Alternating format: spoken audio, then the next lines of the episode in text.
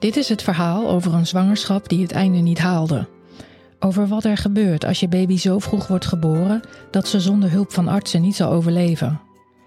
Het gaat over de baby's die vechten voor hun leven en over de ouders die zich staande moeten houden in alle emoties. Over verwachtingen die niet uitkomen en over de periode erna. Podcast Prematuur gaat over de helden van het eerste uur. Ik ben Vanessa. Welkom bij Podcast Prematuur.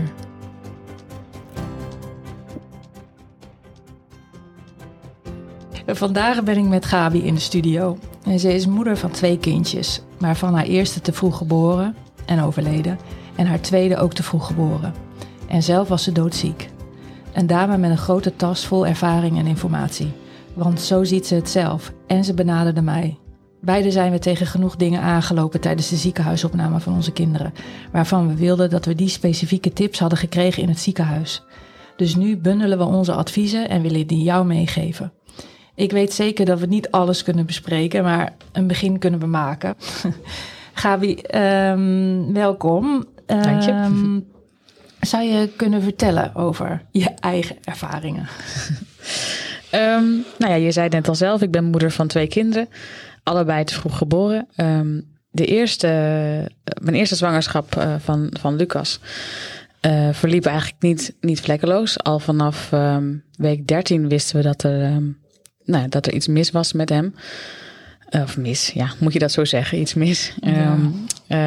In de buik ging het in elk geval niet goed. En toen begon voor ons een medisch traject met um, heel, veel, heel veel controles voor mij en voor mijn zoon. En um, met een week of twintig werd eigenlijk duidelijk dat, het, um, nou, dat er kans was. Dat we 30 tot 70 procent kans hadden op, op overleven voor, uh, voor, uh, voor onze zoon. 30 tot 70? Ja, procent kans op overleven. En dat is nog best heel veel. En, en vandaar dat we vonden, nou ja, dan, dan gaan we er echt alles aan doen Hmm. om, um, om dit tot een goed eind te brengen. Dus um, dat hebben we ook gedaan. Ik kwam thuis te zitten en heb, uh, heb alles gelaten en alles gedaan wat, uh, wat mogelijk was om, uh, om hem zo goed mogelijk te kunnen voldragen, of ja, de zwangerschap te kunnen voldragen. En dat ging best nou ja, psychisch niet zo goed, maar lichamelijk best aardig, laat ik het zo zeggen. En um, met een week of 35 uh, is, is hij toen geboren. Um, met spoed, want uh, de laatste paar weken van mijn zwangerschap had ik ernstige preeclampsie. Waarvoor ik ook in het ziekenhuis heb gelegen, vijf weken lang. Met medicatie en controles. En, en een heel team aan verpleegkundigen en, en specialisten aan mijn bed. Die nou echt elke dag binnenkwamen om te kijken hoe het met ons ging. Um, nou ja, goed. En met 35 weken is die gehaald omdat het met mij niet meer goed ging. En dan kiezen ze voor, voor de moeder. Mm. Niet, voor, niet voor het kind. En voor hem was dat eigenlijk nog wel te vroeg. Ik bedoel, um, we hadden 30, 30 tot 70 procent kans op overleven, zoals ik al zei. Maar um, ja, alles hing af van, van, van onze baby. En of zijn longen in de buik goed genoeg waren ontwikkeld om uh, een um, operatie aan te kunnen na de, na de bevalling. Mm -hmm. En uh, ja, longen kunnen ze niet heel goed testen in de, als, als je baby nog in de buik zit. Ze kunnen wel zien of ze er zijn en of ze groot genoeg zijn, maar niet of de werking goed genoeg is na, na de geboorte. En um, dat bleek ook helaas voor ons en voor, uh, voor Lucas niet, uh, niet goed genoeg ontwikkeld. Zo. Dus um, na de geboorte werd hij uh, meteen mee, of ja goed, in de, in de OK natuurlijk gecontroleerd en daarna meegenomen in een couveuse. En ik zag hem een aantal uren later pas voor het eerst. Zo lang lag je op de uitslaap, uit, nee, uitslaapkamer? Ja, Wel, ja, ja. ja. Ja, ik heb, uh, nou ja, ja goed, eigenlijk heb ik niet eens zo heel lang op de uitslaagkamer gelegen, maar um, goed, het, het, ja, het, ik moest gehecht en dat duurde even en dan nog de uitslaapkamer en dan moet je nog gehaald en dat duurde weer even. En -hmm. ondertussen hebben ze natuurlijk wel um, wat met, uh, met onze zoon gedaan en, en, en gekeken en geholpen. Uh, dus voordat alles goed was, ja, toen pas zag ik hem eigenlijk echt voor het eerst. Ja. Ja. Ze liet hem niet zien boven het doek. Nee, daar was geen tijd voor. Hij is echt uh, met bloedspoed gehaald en meteen, meteen weg. Uh, samen met mijn man wel, die is meegegaan. Dus die, die, heeft hem wel, die heeft hem ook geboren zien worden. En uh, ja, daar, had hij, ja, daar was dan nog wel ruimte voor. Mm. En um, dus ze zijn met spoed weggegaan. Dat mm. was, er was geen tijd om te laten, niet eens tijd om te laten zien, gewoon in één keer door. En uh, toen ging het eigenlijk de eerste dag nog best goed met hem. Het lag hij wel aan de beademing, echt. Uh, dus, dus geen ondersteuning, maar echt beademing. En uh, nou waren we eigenlijk allemaal enigszins tevreden op wat we zagen en, en hoe hij het deed. Hij liet ontzettend zien dat hij, dat hij wilde en, uh, en vocht. Dat gaf ons ook de kracht van, nou zie je, we hebben, we hebben in elk geval alles gedaan wat we konden. We hebben de juiste keuze gemaakt. Hij krijgt alle kansen. Mm -hmm. En dat lijkt hij ook te willen. En, uh, maar het zou een lange weg worden, want voordat longen echt helemaal vol, uh, goed gerijpt zijn, uh, heb je wel even wat tijd nodig. En um, na een aantal dagen kreeg hij een infectie. En toen was het, ja, toen, konden, toen stonden we met ons rug tegen de muur. Toen konden, we ook, toen konden ze niks meer voor hem doen. Nee, toen was hij zwaar onder de medicatie, zodat hij geen pijn zou hebben. En dan volgt, ja, dan volgt er een goed gesprek. Uh, waarin ze dan ook aangeven, ja, we, we kunnen niks meer. En dan, uh, ja, dan moet je hem laten gaan. Mm. En dat lijkt dan als een keuze, maar ja, dat is, dat is niet echt een keuze. Dat, nee. Je wil gewoon het beste voor je kind. En als er niks meer is, dan moet hij geen pijn meer hebben in elk geval. Mm. Dus dat, uh, dat was onze eerste ervaring met het ouderschap. En uh, ja, toen toen moesten we hem laten gaan. Ja. Ja, dat was onwijs heftig. En uh, daarna uh, wist ik het ook even niet meer. Ja, wat, wat doe je dan? Dan, dan? dan heb je alles gegeven, alles gedaan. Hmm. En kom je thuis met lege handen. En uh, het alles wat je wil, is je kind vasthouden. Dat hoort zo. Dat is wat je dat is wat je lijf je ingeeft. Dat is. Ja, en dat kan dan niet. Dus dat was, dat was echt uh, heel heftig, vond ik. En iets waar we ons tijdens de zwangerschap. Um, waar we wel bij stil hebben gestaan. Elke dag opnieuw. Maar niet iets waar je op kan voorbereiden, natuurlijk. Dat, ja, daar kan je niet van tevoren indenken hoe dat zal zijn. En um, toen duurde het 15 maanden, 15 lange maanden, uh, voordat ik opnieuw zwanger werd.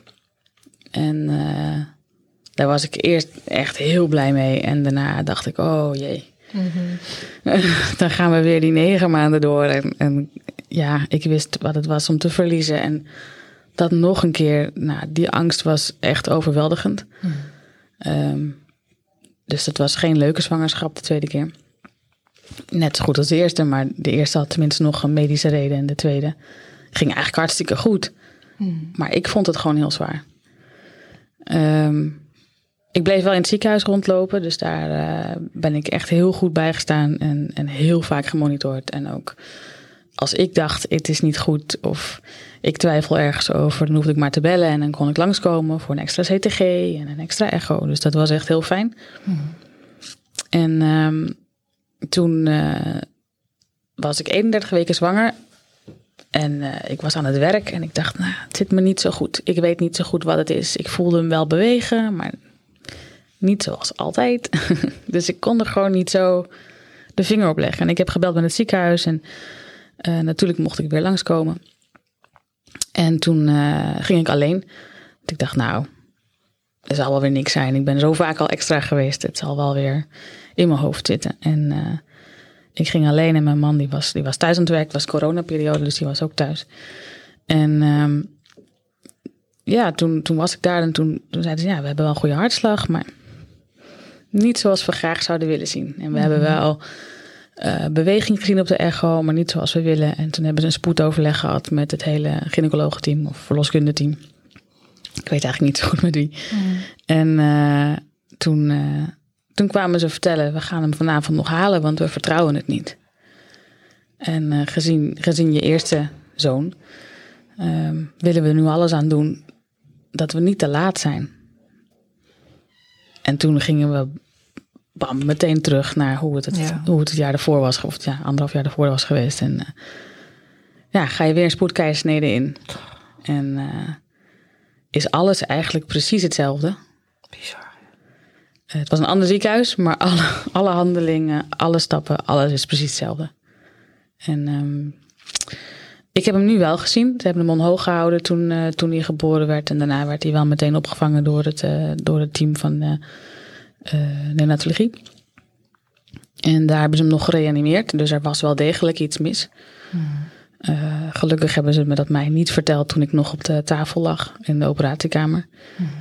Hadden ze denk ik wel moeten doen, maar ik ben blij dat ze dat niet gedaan hebben. Want ik weet niet wat ik dan had gedaan. Ehm, en toen is hij meegegaan naar de, in een couveuse, naar de afdeling. En eh, ja, toen begon onze, ja, onze weg in de neonatologie. Op de NICU. Ehm, negen weken lang. En toen mocht hij naar huis gelukkig daarna. Ja. Want Lucas had vijf weken nog gelegen, zei je dat? Nee, Lucas heeft vijf dagen daar Vijf gelegen. dagen. Mhm. Dat geeft niet. En eh, Thomas negen Weken. weken. Ja. Dus die eerste vijf dagen zorgde gewoon voor continu flashback. De ja, tweede keer. zeker. Ja, nou niet, niet alleen die vijf dagen. Eigenlijk, eh, eigenlijk op het moment dat, ehm, dat eh, Thomas uit zijn couveuse mocht, werd het iets makkelijker. Mhm. Dat hij in zo'n open wiegje ligt, zeg maar, zo'n eh, plastic bakje. Ja. maar daarvoor, eh, daarvoor was alles één grote flashback. Mhm. Ehm, Was ja, je ook continu bang dat hij zou overlijden? continu. Ja. Ja, en ik heb dat wel eigenlijk elke keer als er een verpleegkundige aan, ons, aan, aan, nou aan zijn bed kwam eh, om iets te doen of iets uit te leggen of ah, met ons te praten. Of, en ook artsen trouwens. Ik heb elke keer gezegd, dit is mijn verleden. Dit is wat ik nu zie, maar hier ben ik bang voor. En ehm, dat heeft denk ik wel geholpen, want iedereen was, was daarna net even iets kalmer of kon net even iets meer uitleggen. Of, eh, ja, dat was, dat was denk ik een goede set om elke keer opnieuw open kaart spelen. En ook aan te geven waarom ik zo reageerde of waarom ik extra bang was. Of ja, als zij gewoon iets aan het doen waren wat voor hun heel normaal was en opeens ging zo'n monitor af, dan, dan was ik in alle staten. Ja? Terwijl in het begin wel, later iets minder, maar in het begin wel. En terwijl er eigenlijk nog helemaal niet zoveel aan de hand was. En dan lieten ze me weer zien, oké, maar je moet kijken naar je kind. Dit is wat wij zien. Zijn kleur is goed, zijn lippen zijn goed, hij ligt stabiel, hij is vredig. Oké.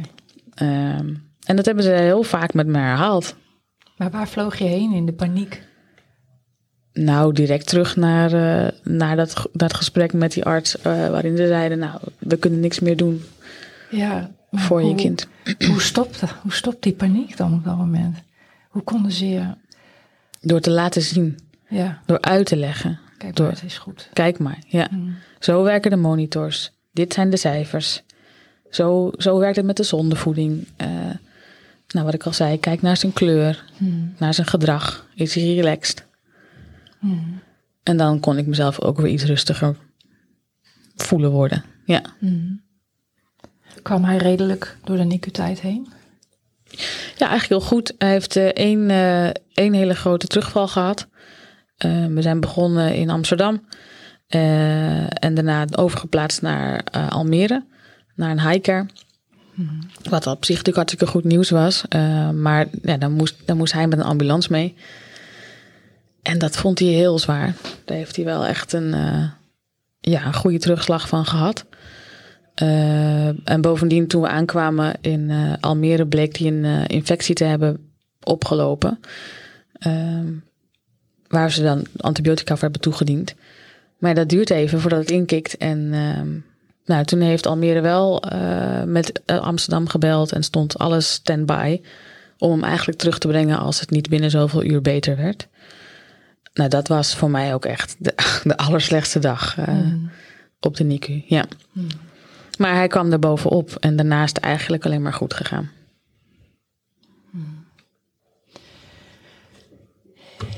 En nou schreef jij, wij, kunnen een gesprek voeren omdat we zoveel ervaring hebben. En we hoeven niet allemaal het wiel uit te vinden. Dus dit is wat we gaan delen. Ja.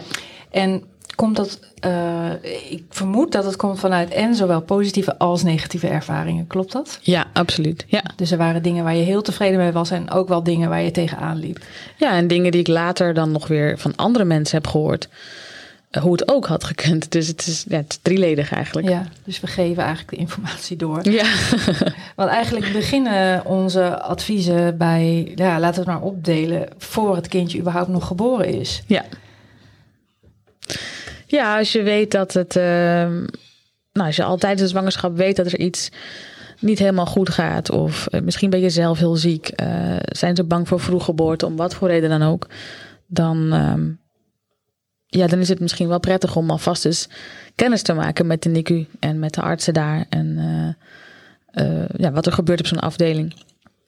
Alleen al een rondleiding kan helpen om te weten: oké, daar komen we straks terecht. Het ziet er veilig uit, of mm -hmm. het is daar kalm, of uh, ik heb er een eigen plekje. Ja, net, net de dingen die voor jou belangrijk zijn, kun je dan alvast ja, kan je op voorbereiden. Mm -hmm. En, en daarbij, het is denk ik ook belangrijk om, als je zelf ziek bent of je kindje is ziek, om, om heel goed met de artsen te overleggen wat er gaande is, vragen te stellen weten wat er speelt, weten wat er gebeurt na de geboorte. Hmm. Uh, maar ook voor jezelf. Wat is er voor jou mogelijk? En welke medicatie heb je nodig? En, en werkt dat goed of niet? Zijn er nog aanpassingen mogelijk als je je hmm. ergens heel vervelend bij voelt? Ja, ja wel zelf de regie houden daarover. Hmm. Ja. Ja, ik heb zelf ook naast de vroeggeboorte van Vince natuurlijk veel in het ziekenhuis gelegen. En mm-hmm. ik moet zeggen dat ik me als een soort kalf overgaf aan uh, de ja. arts. En ik, nou, zo ja, die weten het, ik weet niks. Zeg zo van, dat je bijna een beetje een hulpeloos vogeltje wordt. Maar ja, ik zou dat ook echt wel mee willen geven. Dat, dat, dat hoeft echt niet nee. per se. Want je kan gewoon met uh, je logica gewoon uh, meedenken. En als het echt heel medisch wordt, nou ja, daar zijn de artsen natuurlijk voor. Maar je hebt zeker rechten en opties. En, en ik kan me nog herinneren dat uh, dan met Vince, dan lag ik eigenlijk bizar lang op de uitslaapkamer. Mm -hmm. En het werd zo lang. Ik voelde me echt heel erg alleen. Ja. En het duurde echt uren, want ze hadden me extra verdoving gegeven. Oh, ja, ja, ja. En dan moet je nog langer wachten. En er kwam maar niemand. En toen hoorde ik later van andere moeders dat ze bezoek kregen op de uitslaapkamer. Van man, of die kwam met foto's alvast van het kindje, of, of een moeder. Of om maar even het gevoel te geven, je bent niet alleen. Weet ja, wel. wat mooi. Dat wist ik ook niet dat dat kon eigenlijk. Maar, ja. ja. Misschien niet overal, maar Nee. je kan er altijd naar vragen, denk ik. Ja, of op zijn minst op voorbereiden als je weet dat je een keizersnee krijgt, bijvoorbeeld. Dat, dat, hè, dat, dat je weet hoe lang zoiets duurt. Ja. Of uh, wat er, uh, dat je best wel kan vragen of er iemand bij kan zijn. Of, Ja. ja. Ja, nou ja, goed, ik herken het wel hoor. Ik was, uh, ik was soms ook een beetje zo'n hulpeloos vogeltje. Maar uh, ja, er zijn wel momenten geweest dat ik me sterker voelde en, en echt wel die vragen heb gesteld. En dan komt er ook een gewoon gesprek gaande. Het is, je bent natuurlijk niet anders dan die arts. Ja, die arts heeft ervoor geleerd en jij niet, maar hij kan prima dingen uitleggen en, uh, mm -hmm. en met je meedenken. Ja. ja. Stel je voor, je, hebt, uh, je ligt op de OK, je hebt die, je hebt die keizersnede. Mm -hmm. Nou, jezelf lig je natuurlijk als moeder achterover en, en je armen gespreid. Ja, dus je kan helemaal niks. Dus wat moet je dan? dan wil je foto's, toch? Ja, dat, nou ja, je denkt misschien van niet, maar ik denk dat het, het is heel belangrijk om ze wel te hebben. Um, ja. En vraag niet alleen je partner om een paar foto's te maken van de baby, maar vraag ook vooral om foto's van de omgeving en van de OK zelf. En ja. wie er allemaal in stonden en hoeveel mensen dat eigenlijk waren. En ja, uh, ja wat voor monitoren er hingen en hoe je er zelf bij lag. Ja. Uh, dat, dat zijn niet misschien de foto's van in je fotoboek, uh, nee. maar wel heel goed om later nog eens naar te kijken, om te herinneren hoe dat ging. En het is natuurlijk heel makkelijk om iets een beetje verkeerd op te slaan of hè, dingen te vergeten. Het is ook zo. Het is ook zo'n gekke situatie, zo'n zo'n zo'n keizersnede op, op een elkaar waar je misschien nog nooit geweest bent. Mm. En voor je verwerking later is het denk ik heel goed om, om terug te zien wat er nou precies gaande was en uh, hoe je erbij lag. Mm. Ja, en ook misschien hoe je kindje. Ja. Oeh, die eerste beelden, dat is toch bijzonder. Ja, Absoluut. Ja. Maar er zijn natuurlijk ook vrouwen die, die niet bij zijn tijdens die geboorte, die, ja. die helemaal onder narcose zijn gegaan. Voor hen is het helemaal onwerkelijk wat er ja. gebeurd is. Ja. Um, en je kan best wel vragen aan, uh, aan, de, aan het OK-personeel wat er bezig is. Uh, er is altijd wel iemand die een foto kan maken. Ja. Mhm. Dat doen ze volgens mij ook allemaal wel. Stel je voor dat je helemaal in je eentje bent, bedoel je? Ja, want dan, dan is je man of je, of je partner in elk geval niet mee. Oh ja. Als je onder narcose ligt. Ja, ja, dan is er niemand die kan navertellen hoe het was. dat is ook zo. Dus het is denk ik wel echt iets wat je niet moet vergeten. En zeker, zeker die omgeving. Mhm. Nou, en dan wordt je kindje naar de, naar de afdeling gebracht. En dan begint eigenlijk het hele verhaal. Ja, ja. Ja, dan gaat er eigenlijk gewoon een heel nieuw hoofdstuk voor je open. Ja. Eh, dan heb je tot, tot de geboorte gehad. En eh, dan ben je zelf vaak nog herstellende. Eh, moet, je, moet je vaak gaan kolven, wat, wat nieuw is. Of moet, daar kan je voor kiezen. En, en ontmoet je je kind in een couveuse Mhm. aan slangetjes en aan een monitor en met infusen misschien. Mhm. En dat is een heel nieuw hoofdstuk. Ja. En eerst laten ze je bijkomen van de schrik. Ja, Laten ze je wennen aan de geluiden, het aanzicht, de sfeer. Maar uiteindelijk is wel de bedoeling dat je mee, mee gaat doen, want je bent toch ouder geworden. ja, En dan, eh, ik herinner me wel dat ze ons sporadisch dingetjes lieten doen, weet je wel. Eh, hij was natuurlijk ook extreem klein, Mhm, mhm. dus ik weet niet of dat anders is als je niet zo klein kindje krijgt. Maar dan, ik durfde geen luiertje te verwisselen. Dat, eh, dat waren twee luciferstokjes, Ja. de beentjes van mijn kindje. En dan, dat kon elk moment breken. Maar nou ja, op een gegeven moment kom, kom je, gaan ze je echt wel opnemen in een schema. Hè? Ja, ja, ja, ja zeker. En, ehm, maar, dan, maar weet je, het is ook, je moet zo zien, dat stuk doe je normaal gesproken thuis. En je wil eigenlijk alle belangrijkste dingetjes gewoon meekrijgen. En ik denk dat ondanks het feit dat er echt wel bewustwording is eh, bij de verpleegkundigen, maar ik denk dat het helemaal niet verkeerd kan zijn om aan te geven dat je heel graag bij de belangrijkste dingen aanwezig wil zijn. En zeker allereerste keren. Ja, Ehm, echt allereerste keren, we kunnen ze wel opnoemen, maar eh badje, kleertjes, mondjes schoonmaken, flesje, natuurlijk. Eh, want soms gaat het toch nog wel eens mis. ja, ja. En eh, dat, dat lijkt me ook heel, ja, dat is zeker belangrijk om dat aan te geven dat je erbij wil zijn, dat je daar afspraken over maakt. En eh, ik heb uiteindelijk gevraagd, nou, wanneer zijn er vaste momenten om te badderen bijvoorbeeld? Of eh, in welk voedingsschema zit die? Want er zijn natuurlijk meerdere kinderen op de afdeling, dus iedereen heeft, eh, wordt, wordt in een schema ge- ge- gezet. Eh, dus weten wanneer dat is. Die, die tijden, ik heb ze denk ik wel dertig keer gevraagd omdat ik het vergat. Dus oké, Mhm. misschien goed om het op te schrijven. voor een foto van te maken. Maar goed, dan wist ik dat. En dan was ik daar ook bij. niet iedere keer, maar wel, wel veel. Eh, zodat je het ook zelf kon doen. Ehm, nou, wat ik al zei, het badderschema. eh maar ook het, het verschonen. eh, ik durfde dat ook niet in het begin. Nee. Eh, mijn zoon was natuurlijk iets ouder dan die van jou, dus die was wat groter, maar toch. Het is zo kwetsbaar in zo'n couveuse, dat je dat ook niet, dat durfde ik ook niet. Dus ik heb heel vaak gevraagd: kun je het me nog een keer voordoen? Kunnen we het samen doen? Mhm. Wil je me helpen? Doe ik het zo goed? ja. Hoe kan ik hem het beste vasthouden? Hoe ondersteunen we hem? Ja, en uiteindelijk durf je het alleen. Ja. Eh, en dan, eh, dan gaat het ook wel vanzelf. Maar, maar ik heb het eindeloos vaak gevraagd. Mhm. Had je dan ook veel doorloop van verpleegkundigen? Ja, Ja. Maar dat is natuurlijk ook de reden waarom je altijd alles herhaalt. En, Ja. eh, Ja. ja. Ja, en dan merk je ook dat ze het allemaal op hun eigen manier doen.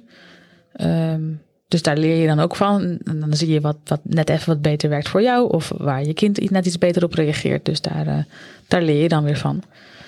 Ehm, maar ja, het was absoluut veel doorloop. Dus er zijn ook verpleegkundigen geweest waarbij eh niet zo'n goede klik hadden. Of die achteraf gezien eh, het, het verhaal van ons kind niet zo heel goed hadden meegekregen. Dus eh, met dingen bezig waren waar ons kind nog niet aan toe was. En dat wisten de mensen op de afdeling wel. Maar goed, iemand die een keer komt invallen of die voor het eerst is of die net na vakantie hè, binnenkomt, die weet dat dan nog niet. En die heeft zich misschien dan niet helemaal goed ingelezen. Mhm. Ehm, ja, en dan gebeuren er dingen waar, waar je kind niet aan toe is. En, eh, en ik als ouder wist dat dan nog niet.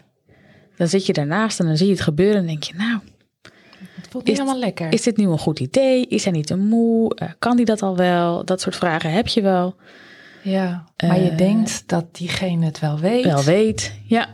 ja. Dus eigenlijk is de tip: vraag, Vraag. gewoon. Hoe, weet, je wat er, hè, weet je wat er speelt? Ken je het dossier van mijn kind? Ja. Ehm, en als, als ook maar iets is waarvan je denkt, het zit me niet goed nu. Het is niet een goed idee om dit nu te gaan doen. Leg het, leg het open op tafel neer. En praat erover. Eh, en ja, ik heb, ik heb meerdere keren meegemaakt dat, het, eh, dat ik mijn mond hield. En het eh, Mhm. niet helemaal goed ging. Mhm. Ehm, dat is allemaal goed gekomen. Maar ehm, ik had beter wat kunnen gaan zeggen. Wij hebben ook ons mond gehouden een keer en eh, toen is er toch echt wel iets misgegaan. Ja. Dus eh, ik zou nooit meer mijn mond houden. Ik ook niet. Nee. Nee, ik zou alles vragen. En eh, pas als ik er zeker van ben dat het een goed idee is, dan, dan is het oké. Mhm. En natuurlijk, als je een verpleegkundige al vaker hebt gezien of een arts en je kent elkaar, dan is het een ander verhaal. Maar dit gaat Ja. echt om de mensen die nieuw zijn op, op, op, de- op deze case eigenlijk. Hè. Voor hun is het een case. Mhm. Ja, met hun moet je wel een overleg. En als er dan iets is gebeurd, of het nou een nieuw iemand is of iemand die je al heel lang kent, en het, eh, er was iets wat, wat niet goed zat, dan praat er dan ook over. En vragen of je even los met, van de afdeling een gesprek kunt aangaan met elkaar. Want ja, morgen zie je elkaar weer. Mhm. Eh, en je moet er wel vertrouwen in hebben dat als zij of hij nachtdienst heeft, dat je kind veilig is. Mhm. Dus dat moet, je, dat moet je kunnen uitspreken met elkaar. En als je daar niet samen uitkomt, ja, dan ga je niet met een goed gevoel naar huis of met een goed gevoel slapen. Het klinkt ook als je, alsof jij overdag gewoon echt aanwezig was en eh, echt wel een controlerende functie uitoefende. Niet alleen maar Hè? hoor. maar wel vaak, ja zeker. Ja. Ja. Dus eigenlijk door dit soort dingen bespreekbaar te maken, zou het je daarnaast ook ruimte geven overdag. En meer vertrouwen, zodat je het misschien een beetje kan loslaten. Soms. Ja. Ja. dat denk ik wel. Ja. En eh, hoe zat het met onderzoeken? Ehm, wil jij daar mee? Ja, ik wilde, daar, ik wilde daar wel heel graag bij aanwezig zijn. Maar ik wist het niet altijd. Dus eh, dat is dan de volgende tip. Vraag daarnaar. Wat zijn de plannen voor vandaag of voor morgen? Eh, welke onderzoeken staan er gepland? Kan je daarbij zijn als je dat wil?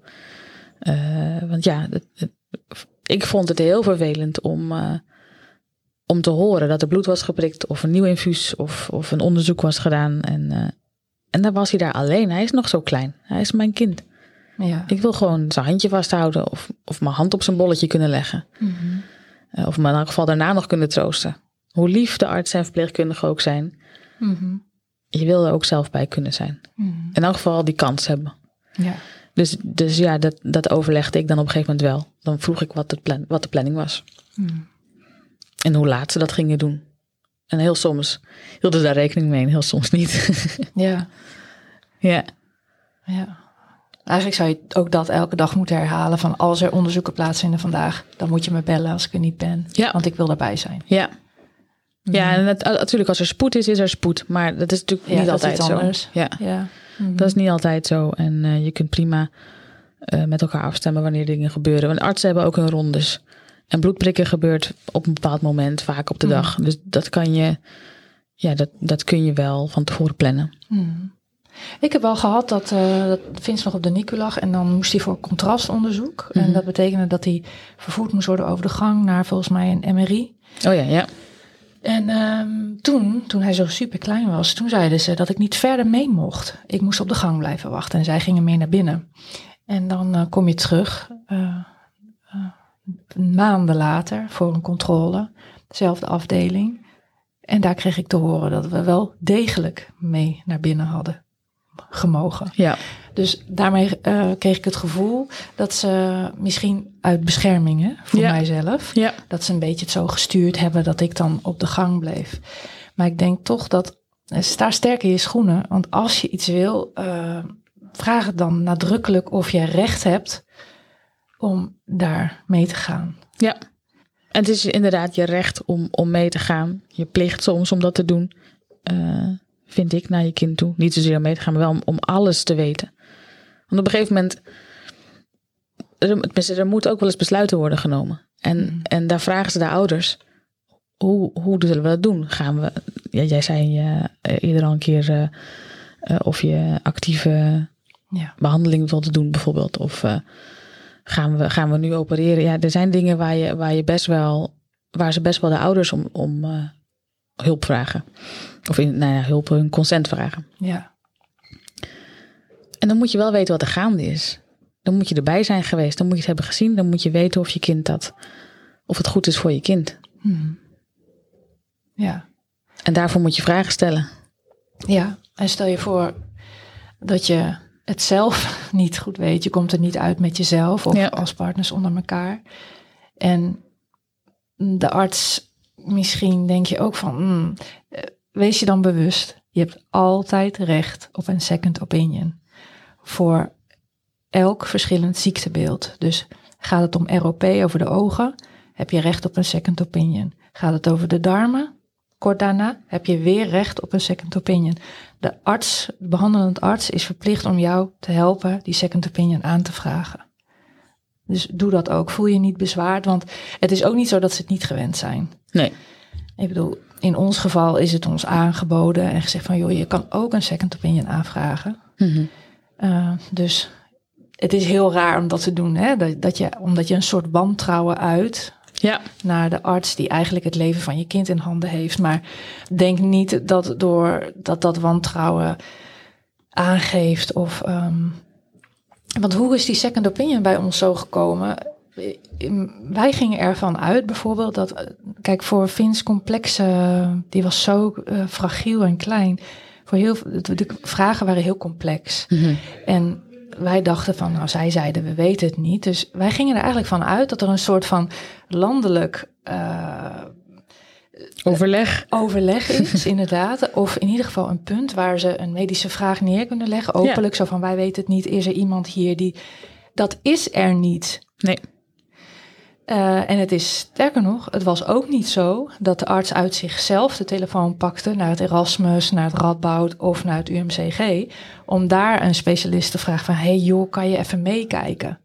Dus dat gebeurt niet. Dus het is, what you see is what you get. Of die arts, de mening met natuurlijk wel van dat ziekenhuis het team, ja. maar niet uh, andere ziekenhuizen. Dus dan moet je echt actief zelf voor een aanvraag voor doen. Ja. Ja, en dan doen ze het wel. Hè. Dan, dan gaan ze wel met het Radboud en ja. uh, Erasmus. En, uh, ja. ja, zeker. Ja. ja, ze leggen die vraag gewoon uit. Ja. Maar ik denk dat dat voor ons was dit de allerbelangrijkste tip. Oké. Okay. Sorry. En, en daaraan gekoppeld, hè, dat je ook altijd recht hebt op het inzien van het medisch Ja, dat wil ik zeggen. Dat, Ja. dat is fijn om, om, te, om te hebben, om te lezen. Maar niet alleen achteraf, maar ook tijdens de behandelingen. Kan je dat gewoon inzien. Ja. Ja, wij waren, wij waren midden in ons gesprek. En toen, toen ik uh, onze opname terugluisterde, was er een stuk verdwenen. Gabi en ik hebben opnieuw even afgesproken via Zoom. Dus wellicht dat het geluid even wat anders kan zijn. Er waren nog wat punten, uh, wat tips die we wilden doornemen. En er zijn per e-mail luisteraarsvragen binnengekomen. Uh, daar gaan we ook even mee verder. Dus Gabi wilde wat vertellen over de monitor. Hè? Een tip over de monitor. Ja, dat klopt. Ehm, zeker als je wat langer op de, op de ligt en jij uh, ja, en je een beetje gaat wennen aan, uh, aan de situatie en misschien ook al wordt gesproken over thuiskomst, dan is het misschien verstandig om te vragen of die monitor ook af en toe uit kan. Um, de verpleegkundige op de afdeling zal, zal wel natuurlijk in de gaten houden hoe het met je kind gaat. Uh, vanuit achter een desk of in sommige afdelingen met een app op de telefoon. Dus daar hoef je geen zorgen om te maken. Maar dan heb jij de tijd om te kijken naar je kind, um, te leren hoe, hoe, hij of zij zich gedraagt, uh, hoe die eruit ziet of kleur verandert, dat, dat soort dingetjes. Zodat als je straks thuis bent, um, je ook weet waar je op moet letten. En dat je dus niet gaat zitten wachten op, ja, op een piepje die niet mm. komt. Ja. En, en uh, volgende tip uh, gaat over maatschappelijk werken en psychologie. Psycholoog. Ja, uh, die zijn aanwezig in het ziekenhuis. Uh, die worden ook vaak wel aangeboden. En uh, misschien in de, in de hectiek niet, maar dan zou je erom kunnen vragen. Ik zou zeggen, grijp dat aan, al is het maar één keer, om te kijken hoe het bevalt. Uh, maar je kunt toch even je zorgen kwijt. Ze kunnen meedenken. Ze weten ook de weg in het ziekenhuis. Dus ze hebben misschien ook wel tips over uh, met wie je kunt praten. Of, of wie misschien een second opinion kan geven. Of waar je naartoe kunt met je andere vragen die je nog hebt. Mm. Uh, ze kunnen voor je opkomen. Ze hebben kennis van, van de werksituatie. Hè. Het vaak moet uh, je partner misschien al, al, al, aan het werk. kan die dat wel? Wil die dat wel? Hoe, hoe stel je dat uit? Nou, al dat soort dingen, daar hebben zij natuurlijk wel kijk op. En het is wel fijn als iemand met je mee kan, kan denken. Mm. En eigenlijk uh, hadden we al veel eerder de tip moeten geven over het verlengd verlof, omdat je dat echt op tijd moet aanvragen. Hè? Dus eigenlijk in, in, al je, in al je shock van de vroeggeboorte moet je eigenlijk ook al uh, gelijk denken aan, uh, oh wacht even, ja. ik moet er op tijd bij zijn met het verlof aanvragen. Ja. Dat is eigenlijk een van de eerste dingen die je zou moeten doen als, als, als je daar inderdaad bij machten bent om dat te doen. Ehm, en check dat even met je verzekering de in het ziekenhuis die altijd bezet is. Nou, stel je wil niet op de af, je zit op een zaalnicu en je wil, je wil echt even, even alleen. En dan is de kolfruimte bezet. Uh, er zijn meer kolfruimtes in het ziekenhuis. Vraag ernaar. ja, ja, ja, en vraag even hoe inderdaad het werkt, waar ze zijn. Um, maar ook naar de golfapparaten en de schelpen, dat die goed passen. Nou ja, mm. Zorg ervoor dat je goed geïnformeerd raakt over hoe dat nou zit. Um, en, um, en waar je terecht kunt inderdaad. Nou, kunnen wij over naar de luisteraarsvragen. Uh, er, er, zijn, ja, het is heel raar luisteraarsvragen, want dat is geen officieel woord en kijkersvragen wel. Ja. Maar goed, met het medium podcasting wordt het dus een nieuw woord, luisteraarsvragen. Uh, even kijken. Nou, de volgende is binnengekomen. Wat moet je juist wel doen in de eerste uren na de geboorte? Wat moet je juist wel doen in de eerste dagen of weken? En dan een aparte vraag, want het was: wat zijn de easy fix? Um, um, een kindje wordt te vroeg geboren. Ik denk niet dat er dan easy fix zijn. Hè? Nee, nee ik, daar kan ik ook niet iets. Um, nee, dus daar maken we even wat anders van, denk ik. Ja. En dan, uh, wat kunnen familie en vrienden voor je doen als jij uh, met je kindje in het ziekenhuis zit? Ik denk dat het wel een goede is. Nou, Vraag 1. Wat doe je de eerste uren? ja. um, nou, ik zou zeggen, dus, ja, aandacht voor je kind. Dat is denk ik het aller, allerbelangrijkste. Het hangt natuurlijk af van de situatie en hoe, hoe het met jou als ouder gaat. Maar zorg ervoor dat je, dat je, nee, dat je bij je kind bent. En um, dat je naar hem kunt kijken of haar uh, misschien je hand in de couveuse kunt leggen, zodat, zodat hij of zij je kan ruiken. Um, uh, nou ja, goed, een liedje zingen of, of, vertellen hoe mooi en hoe prachtig. Maar, maar neem de tijd. Dat is ook de eerste tijd die je samen hebt, waarin je toch een beetje aan elkaar wendt en hecht.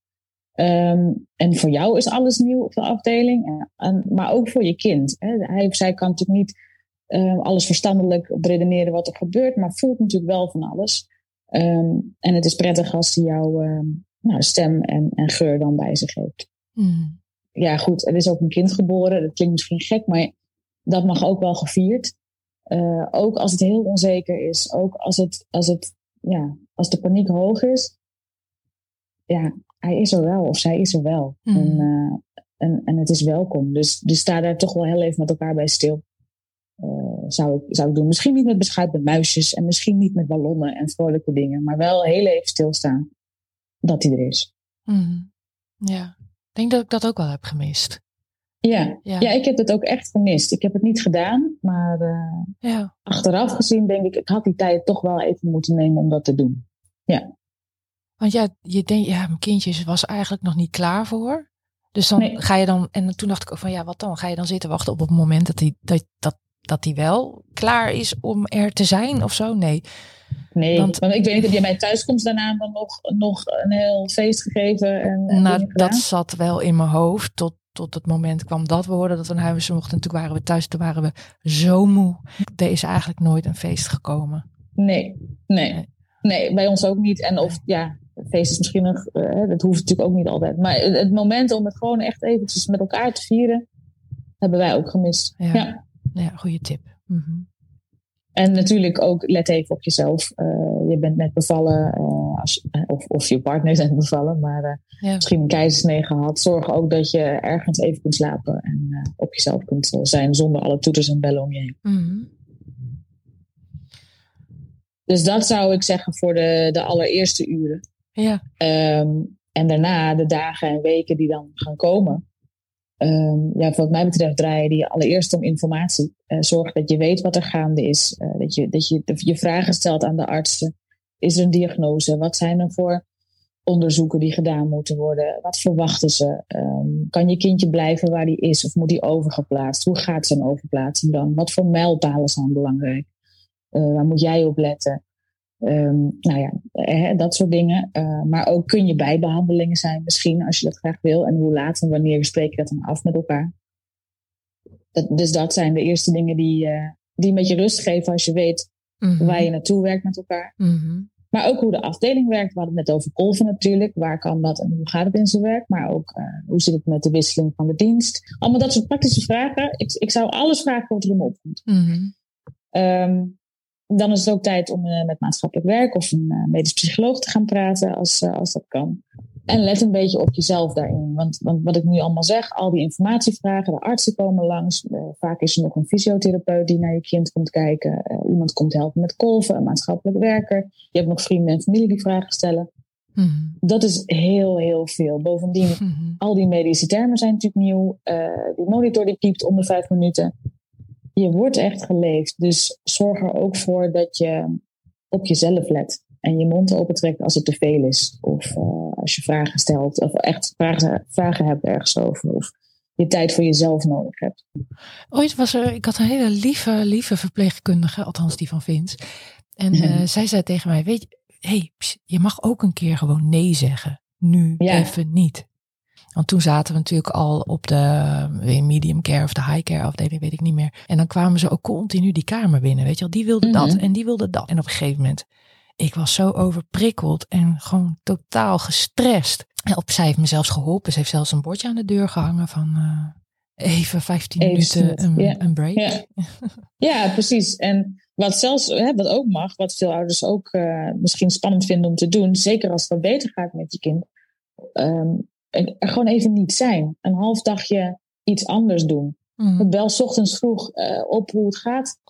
En dan plan dan iets leuks in met een goede vriendin en ga thee drinken en lekker lunchen. En, en kom dan daarna pas naar, naar het ziekenhuis bijvoorbeeld. Of ga Mhm. met je partner iets leuks doen. Even tot rust komen en uh, uit, die, uit die hectiek. Mhm. Ja. Um, ik zou zeggen, hou een, hou een dagboekje bij. Uh, of een schriftje of iets waar je, waar je niet zozeer alleen maar kunt vertellen wat er gaande is voor later. Maar ook belangrijke vragen kunt ops, opschrijven. Of misschien kunt vertellen.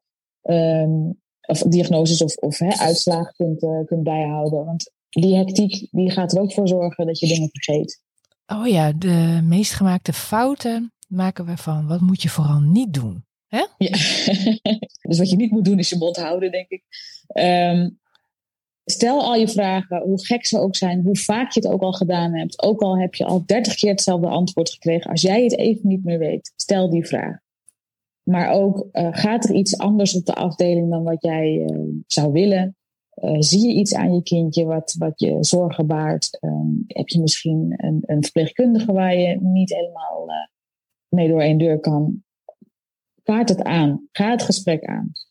Uh, alles om ervoor te zorgen dat wanneer jij s'avonds thuis bent of op je ziekenhuiskamer nog, uh, je enigszins met een gerust gevoel kunt gaan slapen. Mm -hmm. Ja, ja, mee eens. Um, en hetzelfde geldt dus ook voor, uh, voor familieleden en vrienden. Die willen misschien ook van alles van je weten. Maar als het even niet gaat, als je nu moe bent, dan is dat zo. Mm -hmm. Ja. Um, hetzelfde geldt voor als je dan thuis bent en je, je maakt je zorgen of het voelt even niet fijn. Bel gewoon met de afdeling. Vraag hoe het gaat. Ook al is het midden in de nacht. Daar zijn ze voor. Dat vinden ze, vinden ze niet gek. Elke ouder belt wel een keer s'nachts. Mm. Dus jij mag dat ook. Um, en als het allemaal goed gaat, dan, nou ja, dat, hoe fijn is dat om dat even te horen van, uh, van een verpleegkundige? Dat zeggen ze wel, hè, bel s'nachts en zo. Maar, maar ik voelde me echt bezwaard om ja, te bellen. Je gaat toch niet s'nachts bellen? Zo, dus ik deed dat ook niet. Nee. Uh, super stom, want ik was elke nacht wel wakker. En dan probeer je hen te ontzien, maar uh, de rollen zijn andersom. Hè? Je hoeft een verpleegkundige niet te ontzien omdat je wil gaan bellen s'nachts. Nee, Echt niet. Nee, inderdaad goed om in je achterhoofd te houden. Zij is gewoon aan het werk. Soms hebben ze ook webcams uh, of andere mooie appjes uh, op de afdeling, zodat je kunt kijken. Dat, dat heb je niet naar de mensen, maar wel naar je kind. Um, ja, en dan uh, misschien een wat moeilijker onderwerp, maar stel dat het, uh, dat het niet zo goed gaat en je, je hebt het vermoeden dat, uh, dat, nou, dat je kind het niet gaat redden. zorg dan dat je, dat je ook dan informatie inwint. Ja. Dus um, er zijn stichtingen bijvoorbeeld, Stichting Make a Memory en Stichting Stil. die foto's maken van een kind dat komt te overlijden of dat al is overleden. Ehm, dus vraag daar even naar bij het ziekenhuis. Kunnen we foto's maken? hebben zij die contacten? Sommige ziekenhuizen hebben een eigen fotograaf die dan uh, langskomt. Het is niet wat je wil, maar het zijn wel foto's die later zo ontzettend dierbaar zijn. Dus um, vraag daarna. Maar vraag daarna ook, hoe gaat het in zijn werk als je kind komt te overlijden? Wat zijn hun protocollen in het ziekenhuis? En hoe voelt dat voor jou? Is er ruimte om even alleen te zijn met je kind? Uh, om eens goed te bekijken, de rust te pakken. Nog één keer goed te knuffelen, vast te houden. Um, om samen te zijn. Uh, vraag, daar, vraag daar gewoon naar. Hè? Wat, wat, en hoe voelt dat om daar te zijn? Uh, vraag ook om de tijd om dat te doen. Uh, dat het niet gehaast is omdat er een dienstwissel is of iets anders, wat bij ons in, ons geval uh, zo was. Hmm. Dat hoeft helemaal niet. Dat is echt niet nodig. Um, je mag echt wel even samen zijn om afscheid te nemen. En pak die tijd. Um, en daarna vraag na wat er dan aan gebeurt.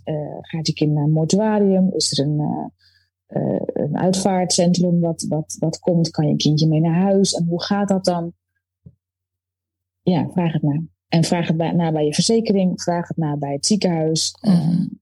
misschien kijk online. Er zijn, zo, er zijn best wel veel manieren om, om afscheid te nemen. Um, neem je tijd om te uit te zoeken wat voor jou de beste manier is. Ja, want jij zei eigenlijk iets, iets best wel belangrijks tegen mij. Van, um, ik, want op, een gegeven moment, jullie hebben niet de tijd genomen en ook niet aangeboden nee. gekregen om dat te doen waar je het net over had. Gewoon uh, echt even in je op te nemen. Weet je wel, mm -hmm. even in alle rust. En, um, en dat je daarna eigenlijk ook niet wist uh, waar, uh, waar Lucas nee. heen was of zo, hè? Nee, klopt. Die werd, hij, hij, is overleden, daarna hebben we hem gewassen. Er zijn door de verpleegkundige nog foto's gemaakt toen hij was overleden. Dat wilde ik toen niet. En ik ben haar nu nog dankbaar dat ze ja. het gedaan heeft. Um, maar daarna kwam inderdaad iemand van het mortuarium hem ophalen. Ik, ja, ik had er ook niet bij stilgestaan en, en, en, niemand heeft ons dat verteld. Ja, waar blijft je kind dan? Ik, ja. ik weet het niet. Ik weet het nog niet hoor. Ik ben ook niet daar naartoe gegaan. Ik weet het niet. Die, nee. die was ineens ja, gewoon weg. En dat, dat voelde echt heel verkeerd. Ja. Zeker de dag daarna toen wij, uh, wij hebben ervoor gekozen ons kind niet mee naar huis te nemen. Wel bewust. Oké. Okay. Um, omdat we de ruimte daarvoor niet hadden thuis. En het, het, het, nee, dat, dat ging bij ons gewoon echt niet. Zoals we dat wilden. Uh, dus daar heb ik ook vrede mee hoor. Maar wij gingen dus naar huis. En ons, ons kindje niet. Die, die was nog ergens in het ziekenhuis. Of mm. onderweg. Dat wisten we niet eens. Nou, dat, dat was echt inderdaad pure paniek. Dat wil je niet. Mm. Ja. Nou ja, en, en dan ook, en dan ook, ook de opties geloof ik. Hè? Want ik heb wel eens uh, de ik heb wel eens voorbij horen, horen komen en zien komen dat kindjes, ik weet niet wat de voorwaarden daarvoor zijn, maar ook in een in, onder in water ja. gelegd kunnen worden. Hè? Dat dat dan een heel ander ja. zicht is. Ja, volgens mij is dat met echt heel vroeg geboren kindjes het geval. Ja. Ons kind was al wat ouder, dus die uh, mm. had niet in een bak met water gehoeven. Die, had, die, die lag later wel gewoon uh, ja, opgebaard ja, zoals we herkennen hè, van ook uh, oudere mensen vaak. Mm -hmm. um, dus het ligt inderdaad heel erg aan de leeftijd en de omstandigheden waarin je kind is geboren. Um, ja. Maar dat kan inderdaad in een bak met water, ja. En dan iets wat niet voor de hand ligt, maar eigenlijk wel heel erg belangrijk is. Uh, wat, wat, wat kan je omgeving voor je doen? Dus familie en vrienden en ja, misschien ook wat moeten ze vooral niet doen? Um, ja, wat zijn tips aan hen? Um, nou, ik denk dat het belangrijk is voor familie en vrienden om eerst even af te tasten wat er, wat er gaande is. Sommige situaties zijn natuurlijk wat meer uh, onzeker dan andere. dus, dus vraag, ja, vraag naar wat de ouders graag zouden willen. je kunt je kunt, ja, je kunt, je kunt gewoon de vraag stellen: goh, ik, ik zou graag toch uh, stil willen staan bij de geboorte van, uh, van jullie kindje. Maar uh, ik weet niet zo goed hoe of wat jullie zouden waarderen. Wat kan ik doen? Die vraag kun je natuurlijk altijd stellen. Ja, gooi het, gooi het gewoon open, het gesprek. Ja, Voel je, je niet bezwaard. Ja. Nee, nee. Um, dus dat ten eerste, ik zou nog heel even wachten met kraamcadeautjes en kaartjes sturen. Uh, die kunnen natuurlijk ook namelijk op het verkeerde moment in de bus vallen. Mm. Als je ze opstuurt. Ja. Uh, want ook eh, op de NICU moet je, moet je wel rekening houden met tegenslagen. Ook een hele kleine tegenslag kan natuurlijk grote impact hebben bij de ouders. En als dan precies jouw cadeautje op de mat valt, nou, dat is misschien, valt, valt niet bij iedereen even goed. Mhm. Dus wacht daar heel even mee. Ehm, en wat je natuurlijk wel misschien wat later kunt doen, als, de, als de ouders wel cadeautjes willen ontvangen. Um, nou ja, iets wat in het ziekenhuis handig is. Dus een wiegdekentje bijvoorbeeld, of een prematuurmutsje, of een omslagrompertje. Dat zijn dingen die, die de ouders nu al kunnen gebruiken. Um, je zou kunnen denken aan een, uh, een doos of een kist of een, of een, of een box. Uh, die er een beetje leuk uitziet, waar, uh, of met een naam erop geschreven bijvoorbeeld. Mm -hmm. Waar ouders later de eerste spulletjes in kunnen bewaren. Dus een heel klein pampertje bijvoorbeeld. Of het eerste kleine rompertje, een mutsje, de eerste speentje. Um, maar ook het snorretje van de, van de beademing uh, nemen we ouders vaak mee naar huis voor later. En dan kan je het bij elkaar uh, bewaren. Mm -hmm. Of denk meer aan praktische dingen die je voor de ouders kunt doen.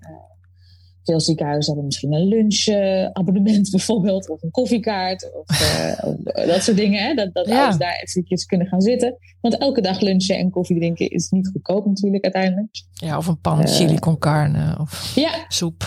En dit, dit zijn dan hele praktische dingen. Maar zijn er bijvoorbeeld ook dingen die je, die je vooral niet moet zeggen bijvoorbeeld? Want één dingetje was uh, beschuit met muisjes bijvoorbeeld. Moet een verpleegkundige nou komen met beschuit met muisjes? Nou, de een die zegt, oh, ik was zo dankbaar dat ik die beschuit met muisjes kreeg. En de ander ja. zegt, ja, sorry, maar er stond mijn hoofd echt niet naar beschuit met muisjes. Nou, bijvoorbeeld. Dus uh, ja. denk, moeilijk. Ja. In mijn geval had mijn hoofd er niet naar gestaan, maar ik denk dat ik het wel heel erg had gewaardeerd. Omdat dat toch, nou wat ik zei, dat beetje vieren had dan toch uh, ineens plek gekregen. Ja. Um, dus ja, misschien moet je het voorleggen als verpleegkundige of als familie zijnde. Ja. Zullen we een, een pak beschuit en muisjes meenemen? Ja. ja, dat Zullen kan ook. we er toch even bij stilstaan. Of bijvoorbeeld, Ja. wat zeg je tegen ouders? Weet je, de een zegt bijvoorbeeld, ja, eh, gefeliciteerd. Ja, dat kan verkeerd vallen. Maar als je iemand anders die zei tegen mij, ja, ze, ze stuurde mij een kaartje met sterkte. Ja, sterkte, hoezo sterkte? Ik hoef helemaal geen sterkte. Uh, ja, weet je, het is, dus het is heel precair wat je, ja, absoluut. wat je ja. kan zeggen. Ja, maar ik denk als je gefeliciteerd zegt, wat ik wel mooi vind om te zeggen.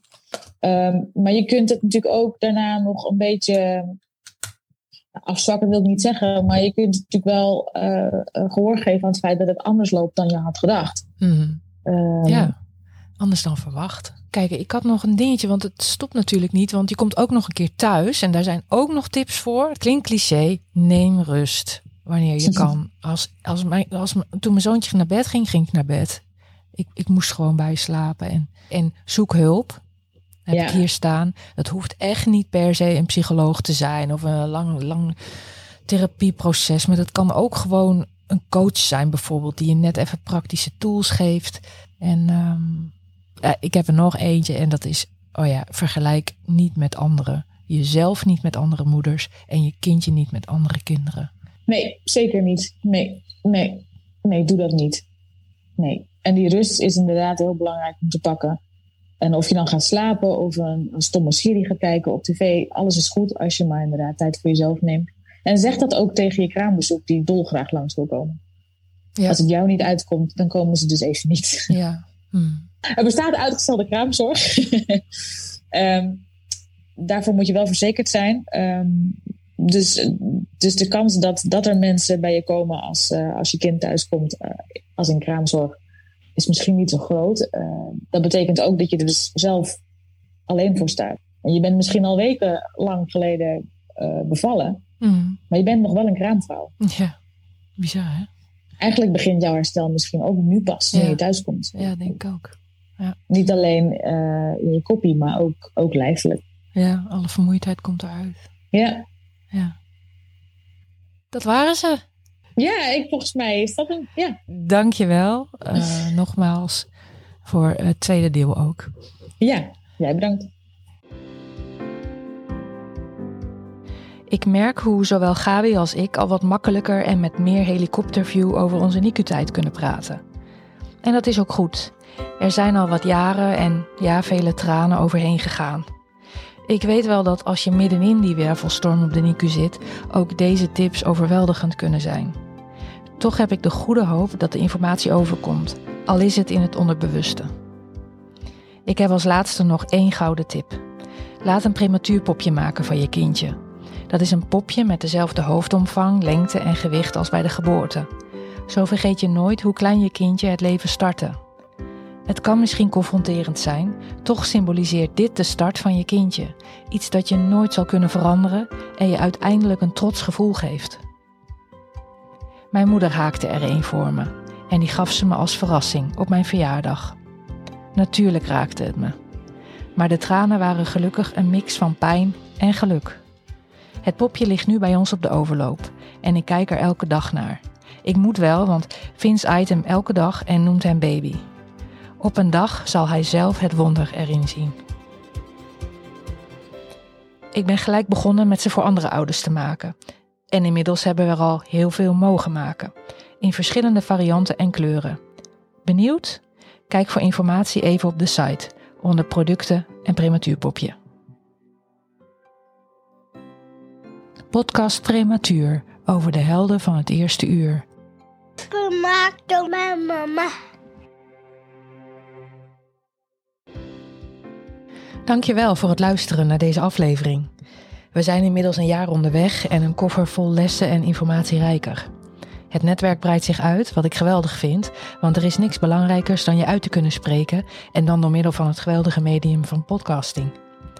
Geen wonder dat er nog altijd dagelijks nieuwe podcasts de grond uitkomen, als paddenstoelen.